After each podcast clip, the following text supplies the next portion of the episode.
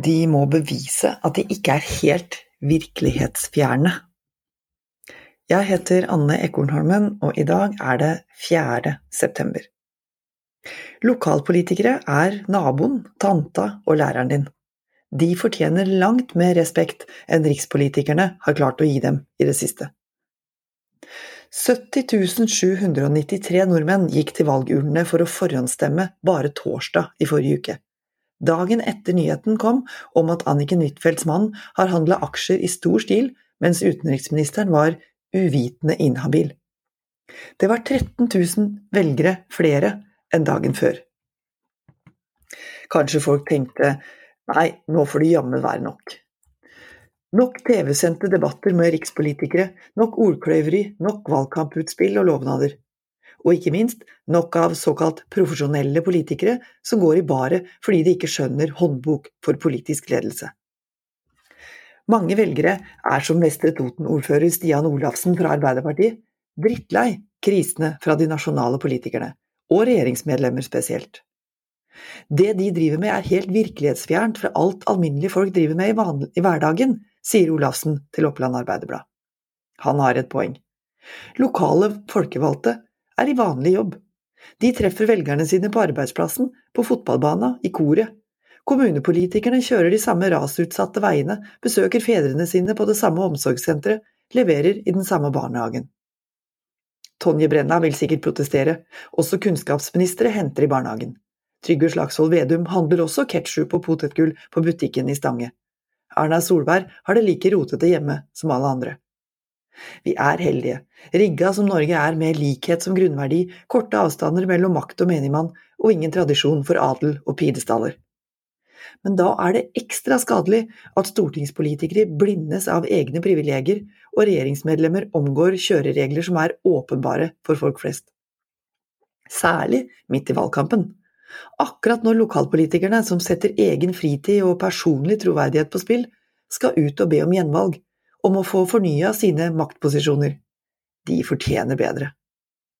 Godt over 600 000 mennesker har allerede stemt. At så mange gjorde det rett etter en ny habilitetsblemme fra Jonas Gahr Støres mannskap, kan være veldig dårlig nytt for Ap.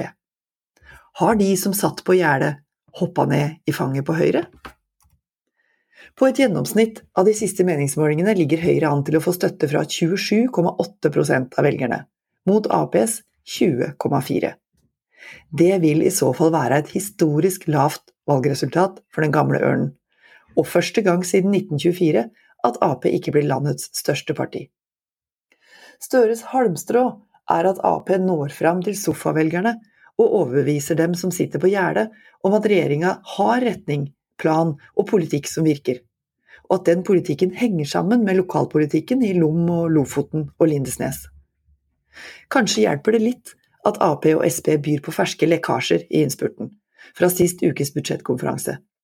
Neste år blir det satt av 300 millioner kroner til den rasutsatte vestlandsstrekningen mellom Arna og Stanghelle. Veien trenger sårt vedlikehold og oppgradering, og bevilgninger her er som musikk i øra for hele regionen. Så er 300 millioner antagelig bare en tidel av den totale prislappen når denne delen av E16 er ment å stå ferdig om 10–12 år. Og neppe nok til å sende regjeringspartiene i tet på meningsmålingene. Men 11. september er da heller ikke noen folkeavstemning om rikspolitikere. Det er ingen popularitetskonkurranse mellom Solberg og Støre. Det er et valg mellom lokale partier som styrer nærmest der du bor. Mellom lokale, engasjerte deltidspolitikere som kjenner bygda di, som veit hvor skoen trykker og penga mangler. Derfor må meningsmålingene også ned på kommunenivå for å få et mest mulig fullstendig og sikkert bilde av den egentlige ståa. Og bare i 99 av 356 kommuner er det gjennomført egne målinger. En sammenfatning som Nasjonen har gjort, viser åssen det ligger an. Høyre går fram i 88 kommuner, Frp i 76 og SV i 66. Senterpartiet går tilbake i 88, Arbeiderpartiet i 72 og MDG i 55 kommuner. Andre som i hovedsak handler om Industri- og Næringspartiet, går fram i 54 kommuner. Av de 99. Industri- og Næringspartiet ligger altså an til å gjøre et solid valg, og kan komme på vippen i flere kommuner når makta skal fordeles. For det er jo på ingen måte opp og avgjort når valglokalet stenger og stemmene er talt opp. Da begynner forhandlingene om hvem som skal samarbeide og hvem som får ordføreren. Resultatet i prosent er bare et tall. Antall ordførerkjeder viser seg i praksis å være et helt annet. Arbeiderpartiet har flest ordførere å tape. Akkurat nå har Høyre flest stemmer å miste. Alle partiene har seks dager på seg til å vise velgerne at de ikke er helt virkelighetsfjerne. Jeg heter Anne Ekornholmen, og nå har du hørt Nasjonen på øret. Hvis du vil høre flere av våre kommentarer, så finner du dem på forsida av nasjonen.no, eller der du hører dine andre podkast. Godt valg!